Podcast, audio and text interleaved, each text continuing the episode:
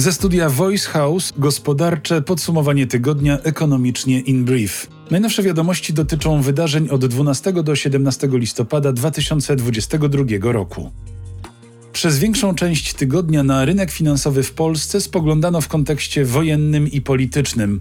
Okazało się jednak, że upadek rakiety, który zabił dwie osoby w przewodowie, miał znaczenie dla rynków tylko do momentu, w którym można było się obawiać, że to efekt eskalacji wojennej, a Rosja właśnie zaatakowała kraj należący do NATO. Gdy tylko Amerykanie zasugerowali, że nie chodzi tu o atak, a raczej o nieszczęśliwy wypadek, a rakiety nie wystrzelili Rosjanie, tylko armia ukraińska, próbując bronić się w czasie rosyjskiego ataku, złoty zaczął szybko odzyskiwać siły. Wszyscy jednak zobaczyliśmy, jak niewiele brakuje do tego, żeby sytuacja nawet przez przypadek mogła się zdestabilizować. W ciągu kilku godzin dolary i euro podrożały o blisko 10 groszy. Kilka godzin później po tym ruchu nie było już śladu i wszystko wróciło do normy. Jeszcze długo do normy nie wróci gospodarka Rosji. Jej PKB w trzecim kwartale spadło o 4%.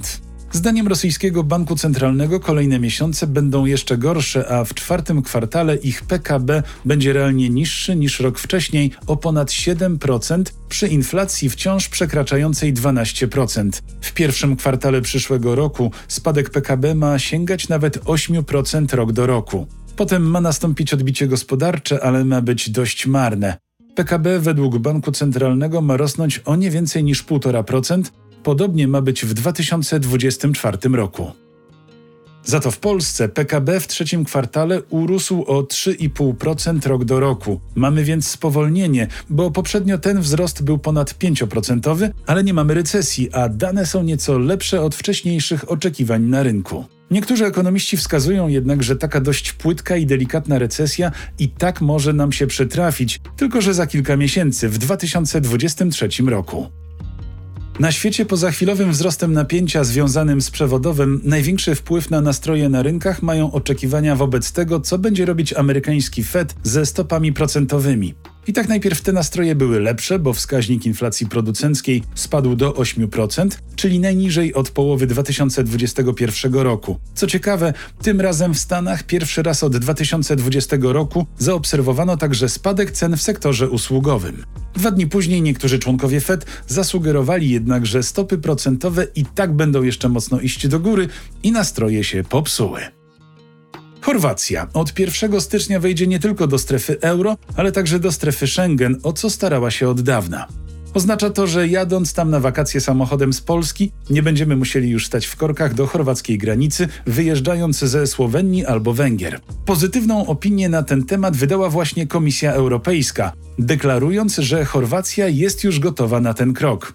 Do jego zrealizowania pozostaje więc już tylko zgoda unijnych ministrów spraw wewnętrznych na posiedzeniu Rady Unii Europejskiej w grudniu, co powinno być formalnością. Producent piwa Żywiec był notowany na warszawskiej giełdzie od września 1991 roku, czyli przez 31 lat. I wystarczy.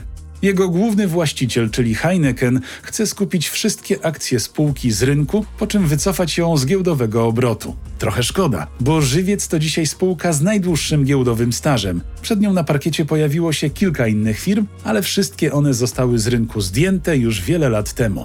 Po zniknięciu żywca firmami z najdłuższą giełdową karierą będą trzy banki, które kiedyś nazywały się Big Bre i WBK. Dziś to Bank Millennium, M-Bank i Santander Bank. To było gospodarcze podsumowanie tygodnia ekonomicznie in brief.